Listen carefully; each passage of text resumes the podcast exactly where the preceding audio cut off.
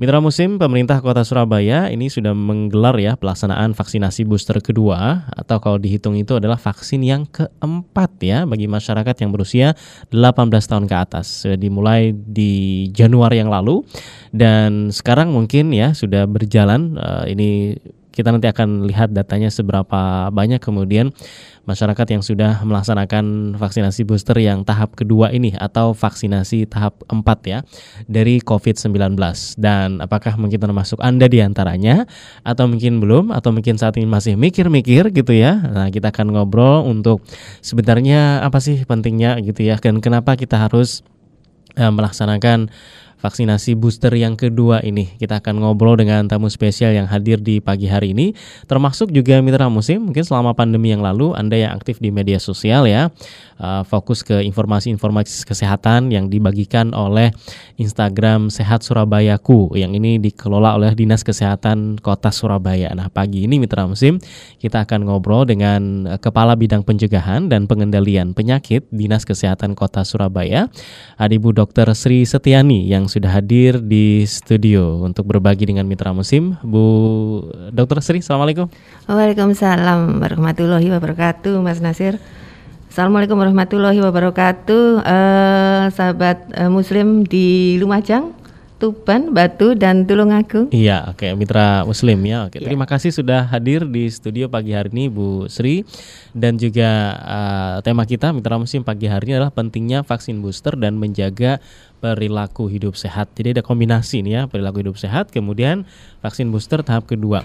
Tapi kalau mungkin saya mewakili sebagian masyarakat yang juga bertanya, sebenarnya uh, mengapa sih kita harus vaksin booster kedua ini Bu Dokter ya atau mungkin yang keempat nih udah dari iya, awal iya, dulu ya suntikan untuk yang keempat suntikan ya. yang keempat iya, gitu ya. betul, ya. Sampai iya. berapa lama lagi kita akan suntik terus ya? Silahkan dijelaskan uh, Bu Dokter. Iya, gini ya, uh, untuk uh, sekarang ini hmm. benar uh, beberapa waktu yang lalu uh, status PPKM itu sudah dicabut. Mm -hmm, yeah. Tapi pandemi sampai saat ini kan memang belum dicabut oleh WHO. Mm -hmm. Jadi mau tidak mau kita memang harus tetap waspada ada ya okay. apalagi kalau kita lihat uh, berita yang ada di Cina dan sebagainya itu ada peningkatan kasus hmm. lah ini jaga nih apalagi ini uh, sebentar lagi puasa dan lebaran ya hmm. alhamdulillah untuk kota Surabaya ya uh, dari total uh, sasaran 2 juta lebih uh, itu yang sudah melaksanakan dosis satu itu sudah 100% lebih. Hmm. Dosis dua hmm. juga sudah 100% lebih. Untuk dosis tiga lah ini dosis tiga ini masih 59 persen oh, ya. Dosis keempat masih ya. eh, tujuh koma lima persen lah ini oh, kenapa sih sebenarnya memang sangat-sangat penting lah untuk untuk apa namanya uh, melaksanakan booster ini. Bukan hmm. berarti kalau saya sudah melaksanakan uh, vaksinasi dosis pertama dan kedua sudah kebal, bukan ya, berarti ya. begitu. Ya, uh, uh. seperti yang saya sampaikan tadi.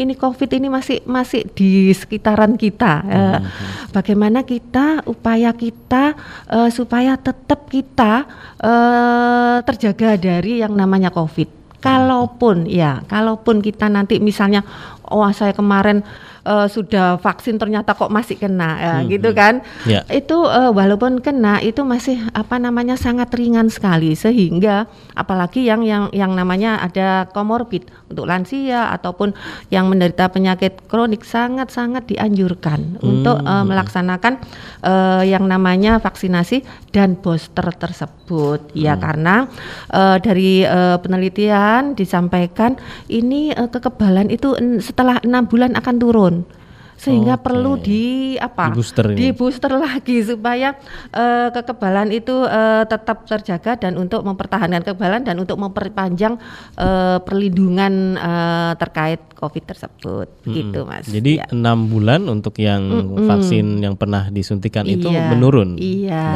betul. Sehingga Jadi perlu perlu di booster lagi sehingga tetap terjaga hmm.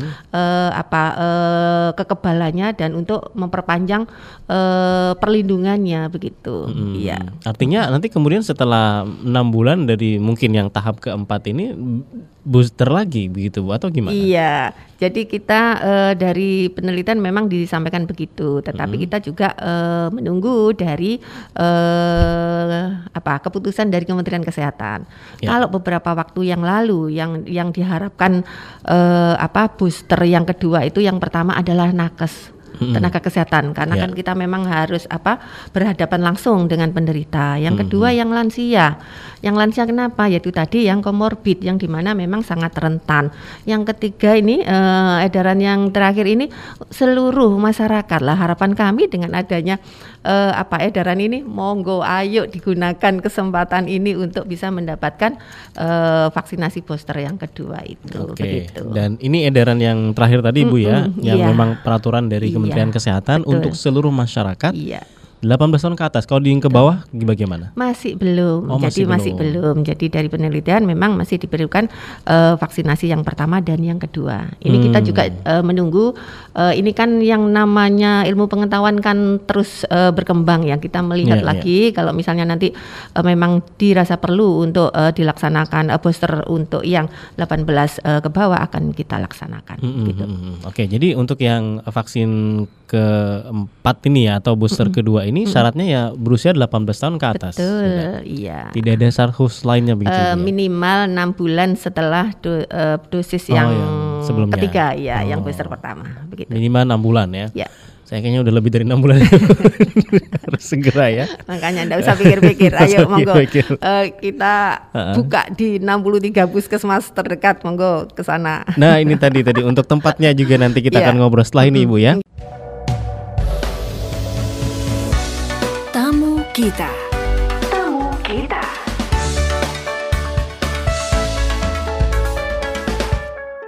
Tamu kita pagi ini mitra musim bersama Ibu Dr. Sri Setiani, Kepala Bidang Pencegahan dan Pengendalian Penyakit dari Dinas Kesehatan Kota Surabaya. Tadi beliau menjelaskan tentang perlunya vaksinasi booster COVID, uh, vaksinasi COVID-19 ya untuk booster tahap yang kedua ini karena setelah enam bulan tadi itu ada penurunan sehingga perlu uh, dikuatkan lagi Bu ya di booster ya.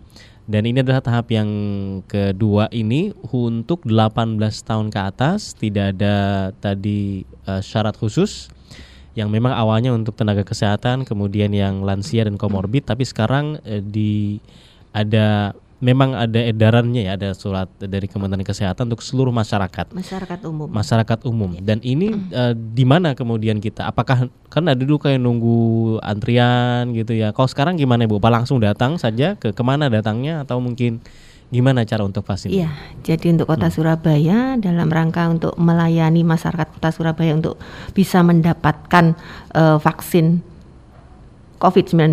Jadi hmm. tidak hanya booster, ada mungkin ada yang memang ada masih yang belum. yang belum sampai juga, sekarang iya. ya.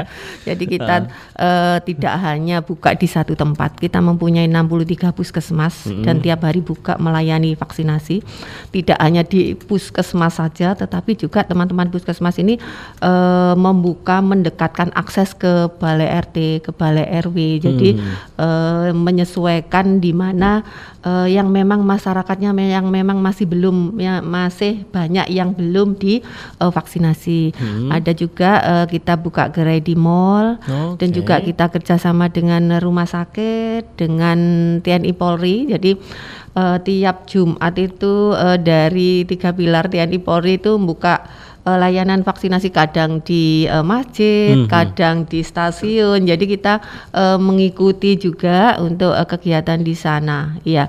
Juga kita melayani untuk perusahaan-perusahaan swasta, UPD, mm. BUMD, BUMN. Jadi kita uh, kita buka apa namanya pelayanan itu siapa yang membutuhkan nah, monggo seluas-luasnya gitu ya. Iya, Jadi betul. untuk uh, perusahaan tadi atau mungkin juga BUMN BUMD juga bisa melaksanakan di tempat mereka. Bisa, bisa. Nanti kita koordinasikan di mana kalau memang uh, kita yang memang harus ke tempat uh, lokasinya karena memang mungkin apa namanya uh, apa karyawannya sangat banyak, hmm. kita laksanakan di tempat itu. Gitu. Oke, okay. atau ya. mungkin mereka mengadakan juga untuk masyarakat umum misalnya Ibu. Ya. Juga boleh ya? Bisa, bisa. Oh. Nanti dikoordinasikan komunikasikan baik dengan kita yang di dinas kesehatan atau bisa langsung ke teman-teman yang puskesmas yang ada di hmm. wilayah terdekatnya. Ya, ya, ya. Dan tadi ini maksudnya datang on the spot langsung daftar langsung bisa bisa vaksin. langsung bisa. Jadi semudah itu ibu ya. Oke, kenapa sekarang saya belum vaksin ini? Booster kedua ya mitra musim ya. ya. Baik dan untuk uh, kan biasanya tuh ada ada yang maksudnya kalau yang vaksin pertama keduanya dengan uh, merek tertentu. Kemudian yang ketiga keempatnya apakah juga harus sama atau ada aturan gimana nih Bu? Iya. Uh. Jadi memang sekarang ini uh, terbuka ya. Ada yang namanya homolog, ada yang heterolog. Jadi uh, kita yeah. uh, memang menyesuaikan dengan vaksin yang ada hmm. dan juga memang juga sudah ada uh, penelitian dan juga sudah ada apa uh, keputusan dari hmm. Kementerian Kesehatan tidak harus kalau memang yang dulu itu pakai Sinovac harus pakai terus pakai Sinovac enggak. Jadi memang yeah. memang uh, sekarang bisa heterolog. Nah, namanya heterolog. Jadi kalau yang kemarin pakai ini sekarang pakai itu boleh dah boleh. Jadi oh, okay. itu itu apa namanya uh, nanti uh, apa uh, bisa dikoordinasikan dengan teman-teman yang ada di fasilitas pelayanan kesehatan. Gitu. Jadi apa pun yeah. yang dipakai sebelumnya, yeah. entah itu Sinovac, bisa. Pfizer, Moderna yeah. dan sebagainya, yeah. sekarang sekarang bisa menggunakan iya. Apa pun tadi itu. Iya. Kalau yang sekarang digunakan apa ibu? Pfizer. Sekarang Pfizer. yang yang yang uh, kita siapkan adalah Pfizer. Iya. Hmm, yang untuk booster kedua ini iya. uh, seluruh Surabaya itu menggunakan seluruh Pfizer. Surabaya pakai Pfizer, betul. Hmm, iya. Oke, okay. gitu mitra musim ya. Jadi tadi kalau misalnya yang ada di kelurahan ataupun juga di puskesmas bisa langsung datang ke sana. Dan tadi tidak ada aturan tadi kata Bu Dokter tentang uh, vaksin pertama menggunakan merek apa, kedua dan ketiga serta keempatnya ini tidak perlu khawatir yeah. semuanya. Yeah.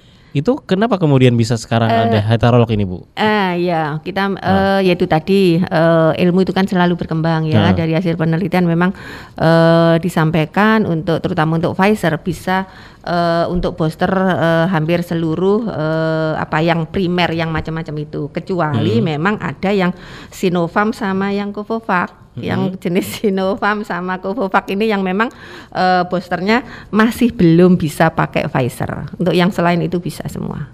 Oh, jadi ada dua dari itu ya. Dan kebetulan memang untuk uh, Covovac uh, untuk kota Surabaya kemarin kita tidak hampir tidak pernah memakai Covovac ya. Untuk yang Sinovac pun itu uh, yang kemarin untuk Kota Surabaya juga uh, tidak kita laksanakan untuk masyarakat umum. Hmm. Jadi untuk uh, vaksin VGR untuk uh, perusahaan dan sebagainya. Untuk yang apa vaksin VGR itu vaksin gotong royong kemarin. Jadi rata-rata uh. uh, Insya Allah uh, untuk masyarakat hmm. uh, lainnya bisa memakai uh, booster uh, Pfizer begitu. Baik. Ya. Jadi Sinopharm dengan Sinovac ini berbeda Ibu ya? Sinopharm beda. Beda. beda. Oke. Okay. Ya. Karena kan kadang ada yang menyamakannya ya. itu berbeda. ya. Oke, Mitra Musim silahkan kalau mau ya, interaksi konsultasi dengan Bu Dokter di 031 5624 555 dan juga WhatsApp 08 55 3938. Ada yang menanyakan tentang vaksin uh, merah putih ya Inafak yang kapan hari kita talk show juga dengan uh, UNER itu apakah juga sudah digunakan saat ini Bu? Jadi kalau kita di Dinas Kesehatan ini selalu uh, menunggu melaksanakan uh, apa uh, keputusan yang dari Kementerian Kesehatan. Ya, hmm. kalau sudah ditetapkan oleh Kementerian Kesehatan, sudah kita terima suratnya, kita laksanakan. Hmm. Ya, termasuk yang vaksin merah putih sampai dengan saat ini memang masih belum ada uh, surat terkait itu, sehingga kita masih belum bisa melaksanakan. Begitu. Oh, jadi nunggu Betul. keputusan dari Kementerian Kesehatan iya. ya. Baik, terima kasih yang sudah bertanya. Kemudian berikutnya yang menanyakan di 085530938 Pak Mukmin ya menanyakan uh, Bu Dokter ini sampai kapan kita harus vaksin COVID-19 dilaksanakan? ya. Jadi uh, sampai kapan? Saya uh, juga masih belum bisa menjawab. Tetapi sepertinya, mohon maaf karena ya. uh, kata, kalau kita lihat yang namanya apa penyakit ya COVID ini ya.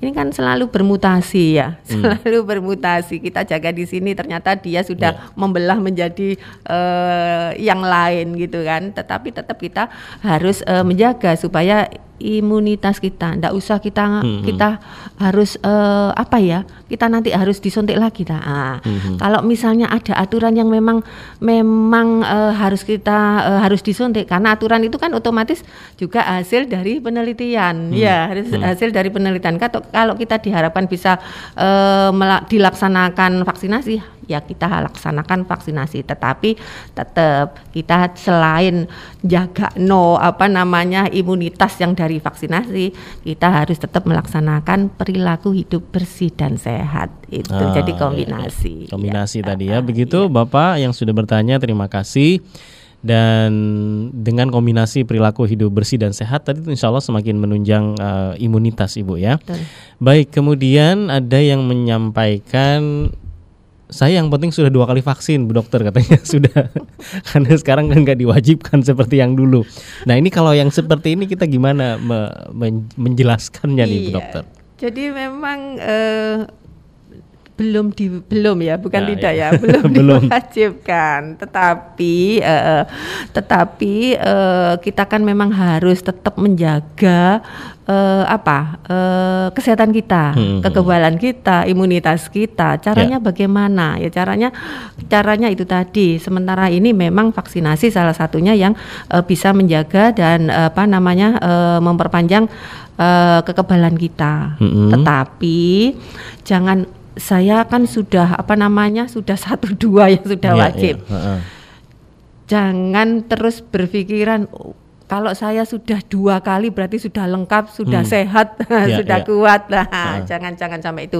Karena yaitu tadi dari penelitian enam bulan itu uh, apa namanya kekebalannya itu akan uh, menurun dan lagi mohon mohon dengan sangat ya ini nanti kan sebentar lagi puasa, hmm. terus lebaran, kumpul orang banyak dari hmm. mana-mana, hmm. anak cucu datang dan sebagainya. Apalagi yang uh, komorbid seperti yang saya sampaikan tadi, yang lansia hmm. atau yang mendirikan yang punya uh, penyakit uh, kronis dan sebagainya.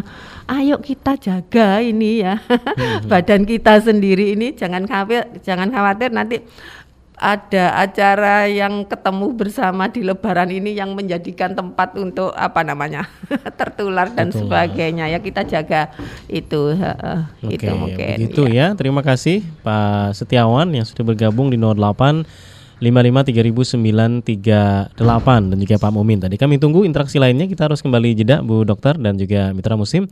Line telepon 0315624555 dan juga WhatsApp 08553938. Kita membahas tentang vaksinasi COVID-19 ya booster kedua atau ini tahap yang keempat.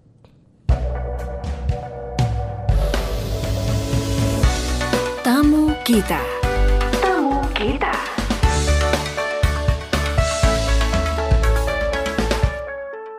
Ya, Mitra Musim untuk melaksanakan vaksinasi COVID-19 booster kedua atau tahap keempat ini sangat mudah sekali gitu ya. Anda silakan langsung datang ke kalau di puskesmas setiap hari berarti Ibu ya? Ya, tiap hari ada hmm, buka. Artinya ya. setiap hari itu dilayani kalau untuk ini? Dilayani. Oke, ya. seluruh puskesmas di Surabaya. 63 puskesmas di kota hmm. Surabaya. Kalau misalnya kan banyak juga nih yang bukan berKTP Surabaya, ke puskesmas Surabaya juga bisa? Tidak masalah. Oh, Oke. Okay. pokoknya bawa KTP ya. Baik, Tidak jadi, harus uh, eh, KTP Surabaya. Pokoknya hmm. bawa KTP. Hmm, ya. Jadi kalau ada yang dari Jombang ini ya atau oh, mungkin dari Madiun gitu ya, yang belum vaksin bisa. booster dan pas dari, ke Surabaya pas ke mampir Surabaya, ya. Mampir. Ya. Oke. Okay. Atau teman-teman yang memang yang dari luar daerah bekerja di sini, Bu ya. Siap dan KTP-nya masih luar Surabaya. Siap melayani Mitra Muslim silakan langsung datang ke ke puskesmas atau tadi di kelurahan-kelurahan ada ada juga Ibu balai ya. RT, balai, balai RW, RT, balai ya. RW. Dan tadi kan Ibu menyampaikan untuk yang uh, dosis pertama, kedua itu hampir 100%. Kemudian yang ketiga menurun 50-an persen. Yang sekarang ini mungkin karena masih satu bulan Ibu ya. Betul. 7 persen. Nah, uh, apa iya. kemudian yang dilaksanakan oleh uh, Dinas Kesehatan termasuk juga Pemkot Surabaya untuk menggenjot uh, vaksinasi ini Bu? Iya. Salah satu di antaranya nih terima kasih kita ya. diundang di kita talkshow seperti ini ya. Talkshow seperti ini uh. sehingga uh, bisa menyebarluaskan hmm. untuk pemahaman terkait uh, vaksinasi booster ini hmm. ya. Selain itu kita uh, juga yaitu tadi seperti yang saya sampaikan kita kerjasama dengan tiga pilar uh, eh, TNI Polri dengan hmm. rumah sakit yeah. Ya. uh, kita melayani uh, ke tempat-tempat uh, BUMN, BUMD dan sebagainya hmm. lebih mendekatkan ke uh, pelayanan. Selain itu kita juga apa namanya uh, door to door, mm, uh, door to door. Kalau misalnya ada lansia yang memang tidak bisa datang ke apa uh, tempat pelayanan, kita jemput ke sana, kita vaksinasi ke rumah masing-masing. Dan tetap selalu selalu kita sampaikan uh, pentingnya uh, vaksinasi. COVID-19 dan hmm. pelaksanaan uh, booster tersebut. Jadi selalu kita uh, sampaikan itu. itu. Hmm. Baik. Ini masih ada pertanyaan yang hampir mirip tadi Bu ya mungkin baru bergabung dari pendengar uh, sampai kapan ya Bu kita divaksin terus katanya. Uh, saya berharap agak asal jangan tidak dijadikan prasyarat penerbangan aja katanya. Soalnya kan kalau mobile ya otomatis harus uh, ini ini iya. kalau beliau ngomongnya saya nanti-nanti aja dah Bu gitu. kenapa? Sekarang hmm. saya tanya dulu ya. Kenapa kok kenapa nanti-nanti ya? ya? Kenapa enggak mau ya? Karena kan di, di, dilihat dari manfaatnya kan memang uh, yaitu tadi dibandingkan manfaat dan mudaratnya kan memang hmm. sangat banyak manfaatnya. Jadi ya memang uh, harapan kami enggak nunggu itu merupakan suatu apa? Uh, kewajiban. Nah, ya, karena itu kebutuhan ya. gitu ya. Uh. harapan kami bukan kewajiban tapi itu merupakan kebutuhan kita hmm. untuk uh, bisa mendapatkan uh, kekebalan tersebut. Sehingga sampai kapan ya yeah. Ya. uh, kita bercermin ke penyakit menular yang lain okay. ya. Uh. Kalau bayi hmm. sampai kapan bayi itu? Nah, itu kan ada ada tahapnya ya, betul, ada imunisasi betul. dasar lengkap uh. harus uh, umur lahir harus divaksinasi ini, yeah. umur satu bulan. Nah, itu Lagi. kan untuk menjaga. Nah, ini nanti kita juga begitu. Nah, hmm. gitu. Jadi sampai kapan kita lihat? Karena itu tadi uh, penyakit itu uh, yaitu tadi selalu selalu berkembang, selalu hmm. bermutasi dan sebagainya. Hmm. Kalau sekarang disampaikan uh, kewajiban memang vaksin satu dan vaksin dua untuk booster itu dihimbau. Hmm. Harapan kami itu bukan uh, bu jangan dilihat itu sebagai kewajiban tetapi lihat sebagai kebutuhan kita gitu aja hmm. mungkin. Lihat sebagai kebutuhan kita iya. ya, kita yang butuh untuk sehat. Betul. Nah, ini iya. juga termasuk uh, bagian dari tema kita menjaga perilaku hidup bersih dan sehat. Itu iya. apa yang bisa kita lakukan, Ibu? Iya. Hmm. Uh, kalau Alhamdulillah ya dengan apa namanya uh, kita pandemi hampir tiga tahun ya, hmm, ya kita hmm. membiasakan ini kita pakai masker, masker ya. Sekarang kalau kita keluar nggak pakai masker yeah. kok nggak enak yeah, ya. Ada yang kurang ibu ya. Ada yang kurang ya. Itu merupakan apa namanya keuntungan yang bisa uh, kita uh, apa uh, kita ambil. Hmm. Selain itu kita sering untuk cuci tangan, cuci hmm. tangan pakai sabun, pakai hand sanitizer dan sebagainya. Jadi uh, tetap jaga jarak itu merupakan salah satu kebiasaan e, perilaku hidup sehat yang harapannya tetap dilaksanakan. Walaupun mungkin uh, mungkin pandemi hmm. nanti uh, akan dicabut dan sebagainya. Tetapi perilaku hidup sehat yang di antaranya itu tadi kalau keluar pakai masker, tetap cuci tangan pakai sabun, hmm. tetap jaga jarak, tetap minum olahraga dan makan minum yang sehat, tetap kita laksanakan itu. Hmm, Oke, okay. begitu Ibu Eni terima kasih sudah berkomentar di WhatsApp 08 55 3938. Ada komentar lainnya kita kalau ke mall sekarang udah nggak dicek lagi bu katanya. ini sebenarnya seberapa efektif vaksin booster ini bu untuk kita?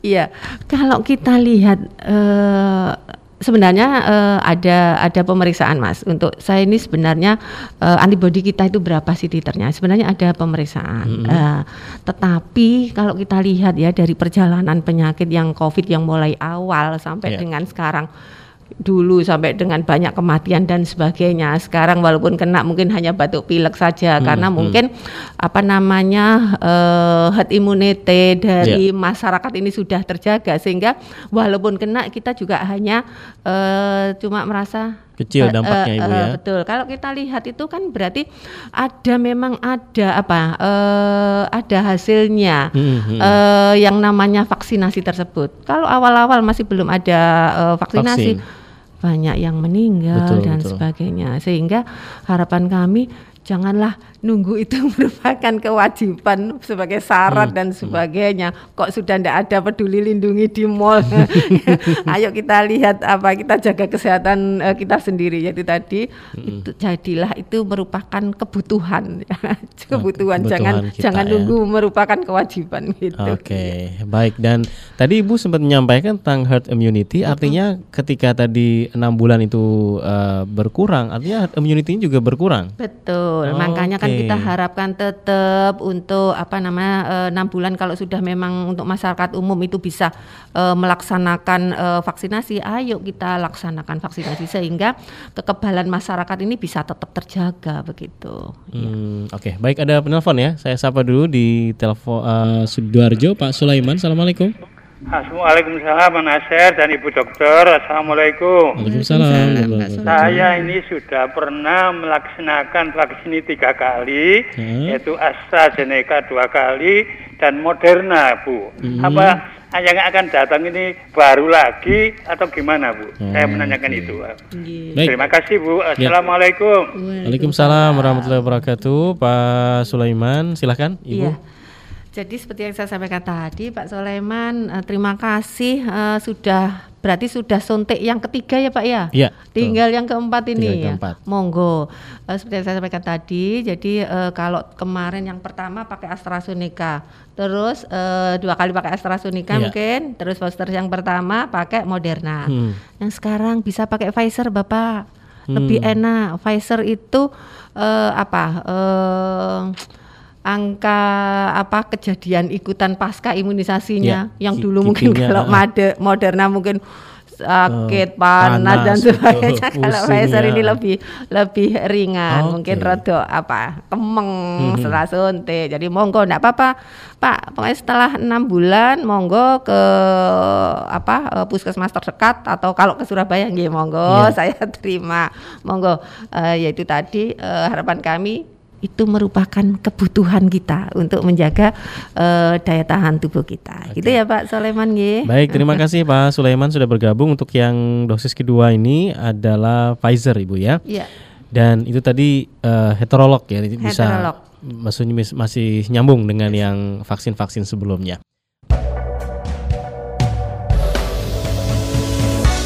Tamu kita.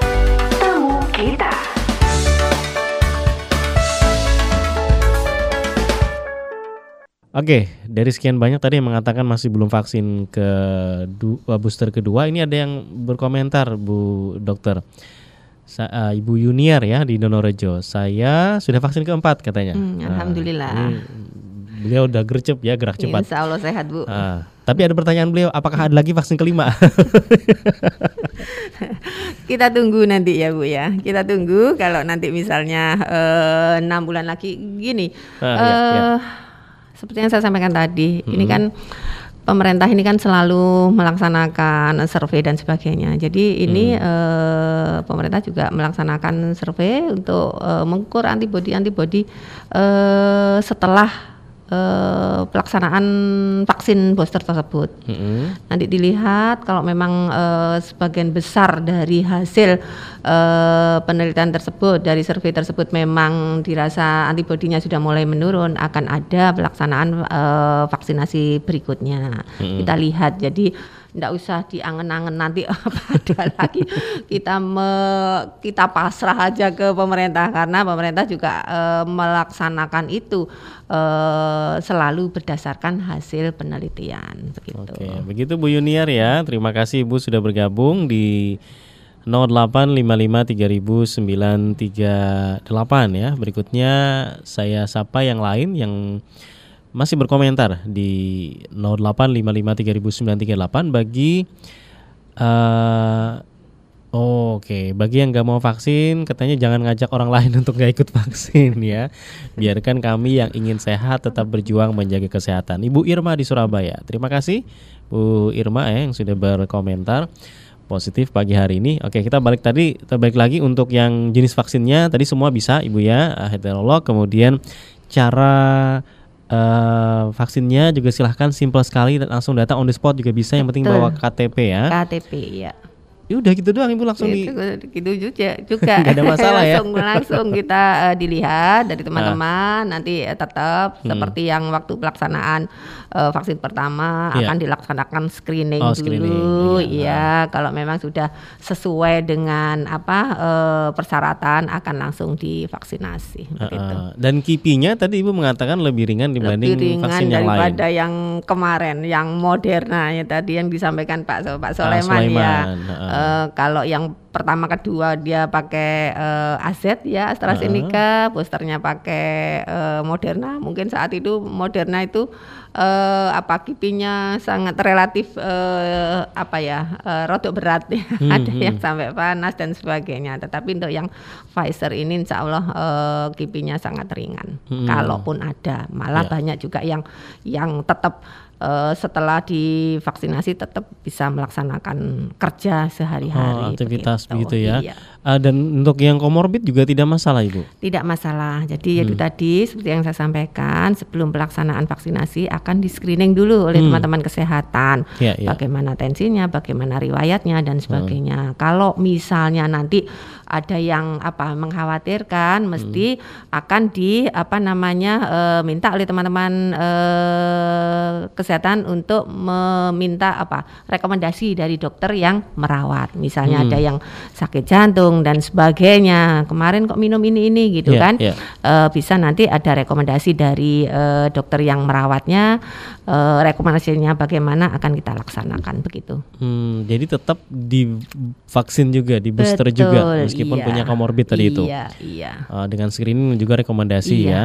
Iya. Oke, jadi nggak sembarangan langsung datang. Karena kadang mungkin kalau dia nggak tahu itu pas di screening ketahuan nanti ibu ya. Iya, jelas ya. Hmm. Kan ada screening itu tidak hanya ditanya, tidak hanya anamnes, yeah, yeah, tetapi uh. juga akan dilaksanakan pemeriksaan.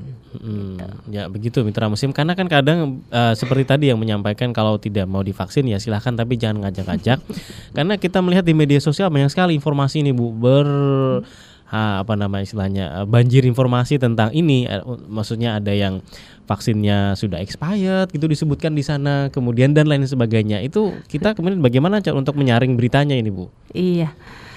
Jadi hmm. uh, kita uh, di pemerintah ini kita melaksanakan uh, sesuai dengan aturan yang ada, hmm. sesuai dengan apa uh, surat uh, dari Kementerian Kesehatan. Insya Allah, Insya Allah yang kita laksanakan, terutama seperti yang saya sampaikan tadi, hmm. uh, baik di puskesmas, di balai RT RW yang dilaksanakan oleh teman-teman puskesmas, yang kita kerjasama dengan uh, rumah sakit, kita kerjasama dengan TNI Polri.